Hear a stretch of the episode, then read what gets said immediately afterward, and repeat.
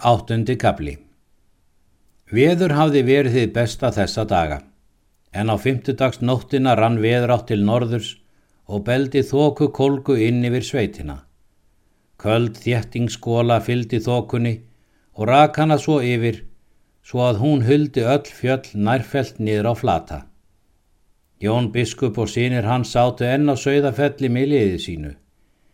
Þeir hefðu sendt nokkra menn út um héradið til þess að njóstna um daða og aðfarir hans. En annað tveggja komu þeir alls ekki heim eða komu litlu fróðari en þeir fóru. Engin vildi greiða götu þeirra og sum staðar gerðu mennsi berað beinum fjandskap við þá, svo að þeim þótti fótur sinn fegurstur að hverfa aftur heim að sögðafelli.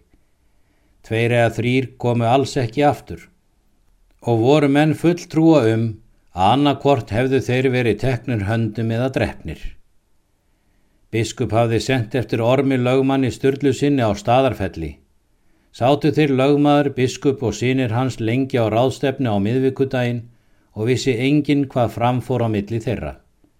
En kunnugt var það um orm lögmann að hann var svo mikil beigja í skapi að hann gatt engum í móti mælt og svo mikið góðmenni Hann lofaði öllum því sem hver vildi hafa af honum. Mun hann því þarna hafa lofa þeim feðgum því statt og stöðugt að fylgja fram málum þeirra meira og ítrara en hann var maður til að efna.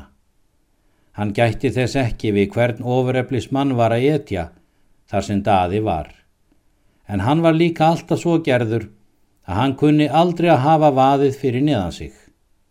Hann var í minna lægi meðalmaður á vöxt málugur og orðmarkur, en heldur veikrattaður og sópaði lítið að honum.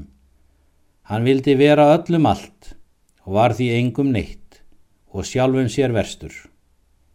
Snemmum morgunin fyrir dag kom maður gangandi að tjöldum þeirra borgfyrðingana.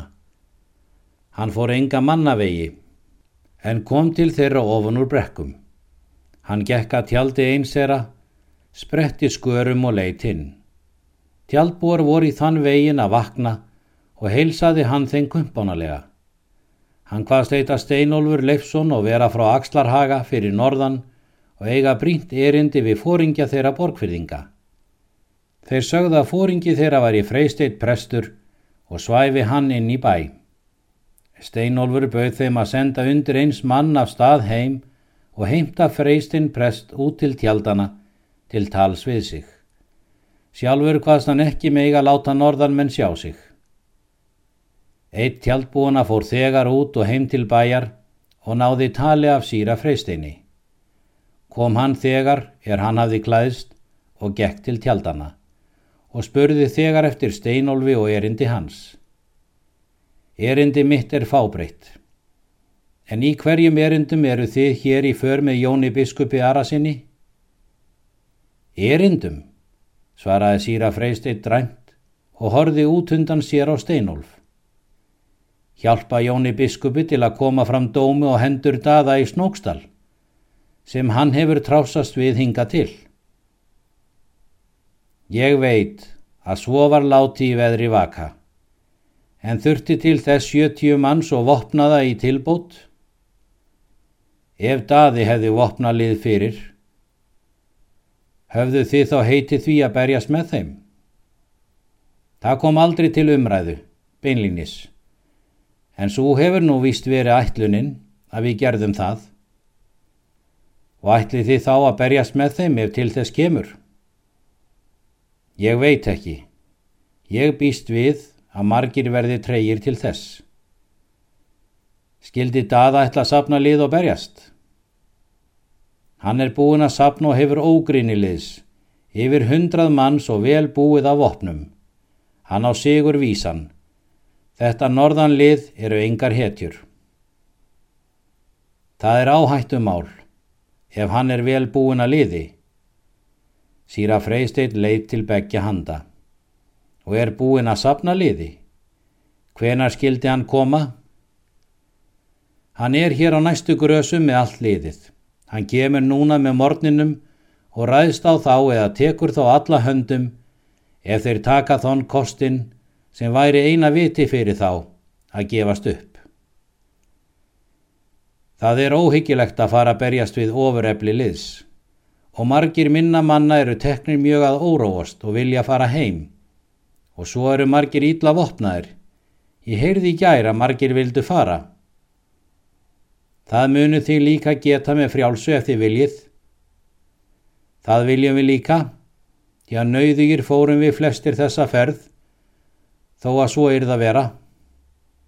Ég er hér komin sem sendi maður frá daða og hann bað mig að færi ykkur þau bóð að ef þið berjist ekki heldur siti hjá þó að til vopna viðskipta komi þá skulu þið allir sleppa átölu leysir þó að þið færu þessa ferð með biskupi og sónum hans. En ef þið berjist með honum hvaðst að myndu draga ykkur alla undir kæru fyrir fylgi við biskup og síni hans sem upplaupsmenn á móti konungi landsins. Það fór að farum síra freystein. Hann stóð orðlaus. Steinólfur stóð upp og stóð kertur. Hann bar sér til eins og maður sem á vald á að útbýta sælu eða glötun, lífi eða dauða eftir vildsinni. Og hvort viljið þið nú svo kjósa? Það verð ég þegar að fá að vita, því að eftir því verður daði að haga sér þegar hann kemur. Ég verð þá að ná tala af öðrum helstu mönnum í liðinu. Eru þér ekki sjálfur formaðar borgfyrðinga? Þér hafi kallað þá og geti þá eins haldið þeim aftur? En þá er sökin öll á mér. Og ekki síður ef þér berjist með upplaupsmönnum og vita megið þér það að þið allir í borgfyrðingar að daði verður ykkur ekki mjúkendur þegar hann er búin að vinna sigurinn ef þið farið að berjast á móti honum, því að sigurinn vinnur hann. Það er eitt sem er víst, hvort sem þið berjast með eða ekki. Hvað á ég að segja? Sýra Freysteinn horði í gaupni sér nokkur augnablík, leiti hann upp hálf vandræðarlega og mælti. Við berjumst ekki. Ég skal sjá um að engin borgfyrðinga bæri vopn á daða. Engin. Við höldum heimliðis í dag. Það er réttast.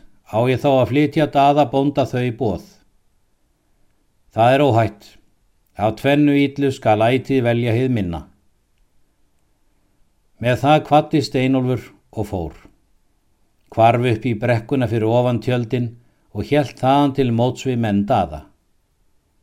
Freisteit prestur var samt ekki alveg rólegur. Hann var í ytri klemmu. Hann hafði lofað Jóni biskupu og sónum hans fylgi um sumarið og endur nýja það nú. En hann var líka embættismæður, eðsvarinn þjótt konungs og prestur hins nýja siðar í skálholtsbiskups dæmi. En af tvenna yllu skildi velja hið minna og það minna var að bregðast biskupi og sónum hans. Þeir voru ekki líklegir til sigurs úr þessu. Það var því vissara að bjarga fari sínu áður en skip þeirra sikki til fulls og svo gekk hann á milli hinn að helstu manna í liði þeirra borgfyrðingana og spurði þá hvort þeir myndu berjast ef til vopna við skipta kæmi. Þeir tóku því döflega. Hvaðu störfa heima gæta búa sinna, ekki geta verið að sitja hér dag eftir dag aðgerða lausir. Ekki hafa verið sér vitanlega ráðnir til að ganga í bardaga. Ættu ekkert vangert við Jón Biskup og síni hans. Þannig var freystinni presti auðsótt að fá þá ofan að því að veita þeim víksgengi feðgunum. Og svo var það full gert áður en full bjart var orðið að berjast ekki. Heldur halda heimleiðis um daginn. Þegar leiðað dagmálum gekk biskup út og sinir hans.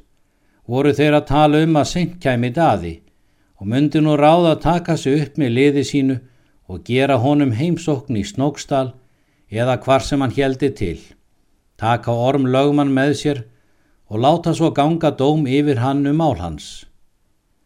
Menn þeirra voru að gangi úti á hlaði eða þá í smá hópum í kringum bæin og töluðu dægin og vegin um hvaða ráðbiskupundi nú upptaka. Voru margir orni leiðir á þrásetu þessari á sögðafelli og hafast ekki að.